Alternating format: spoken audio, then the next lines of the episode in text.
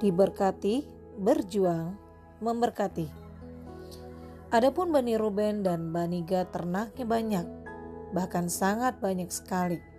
Ketika mereka melihat tanah Yeser dan tanah Gilead, tampaklah tempat itu tempat yang baik untuk peternakan. Lagi kata mereka, jika kami mendapat kasihmu, biarlah negeri ini diberikan kepada hamba-hambamu ini sebagai milik janganlah kami harus pindah ke seberang sungai Yordan.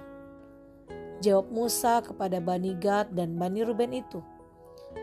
Masakan saudara-saudaramu pergi berperang dan kamu tinggal di sini?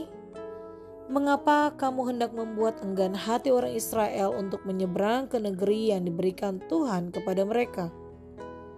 Maka berkatalah Bani Gad dan Bani Ruben itu kepada Musa, hamba-hambamu ini akan berbuat seperti yang diperintahkan Tuanku. Anak-anak dan istri-istri kami, ternak dan hewan kami akan tinggal di sini di kota-kota Gilead.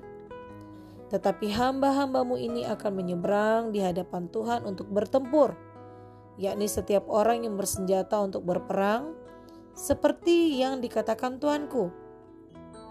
Lalu Bani Gad dan Bani Ruben itu menjawab, apa yang difirmankan Tuhan kepada hamba-hambamu ini akan kami lakukan.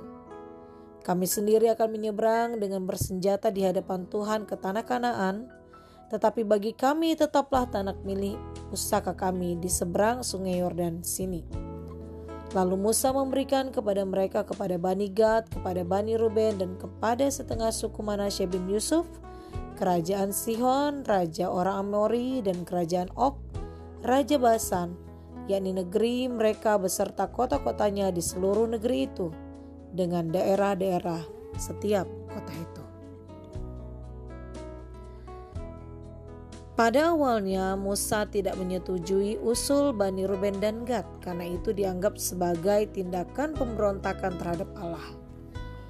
Namun ketika dilihat bahwa mereka tetap berkomitmen atas misi yang Allah berikan, maka Musa mengizinkan.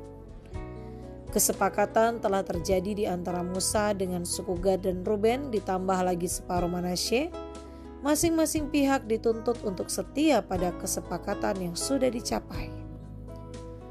Suku-suku tersebut akan angkat senjata bersama suku-suku lainnya sampai tuntas menaklukkan Kanaan. Dari pihak Musa, ia akan memberikan tanah di seberang timur Sungai Yordan ini yang penghuni lamanya sudah dikalahkan kepada kedua setengah suku tersebut. Sementara mereka ikut berperang dengan sembilan setengah suku lainnya, mereka mempercayakan kepada Allah keluarga dan harta benda mereka kepada Tuhan yang akan melindungi dan memelihara. Mereka mendahulukan tugas dan tanggung jawab bangsa karena mereka percaya dan bergantung sepenuhnya kepada Tuhan. Dalam kelangsungan hidup kita, ada yang harus kita lakukan meskipun kita sudah menerima berkat dari Tuhan sebagai bentuk perjuangan, pengabdian, dan ketaatan kepada Kristus. Kerjakan, dan Tuhan menyertai. Tuhan mengerjakan bagiannya untuk terus memberkati kita. Amin. Bilangan pasal 32. Tuhan Yesus, terima kasih Tuhan buat berkat setiamu yang tidak pernah berhenti dalam hidup kami. Kami mau terus mengerjakan bagian kami. Dan di saat yang sama, kami mempercayakan seluruh kehidupan kami ke dalam tangan Tuhan. Di dalam nama Tuhan Yesus Kristus. Amin.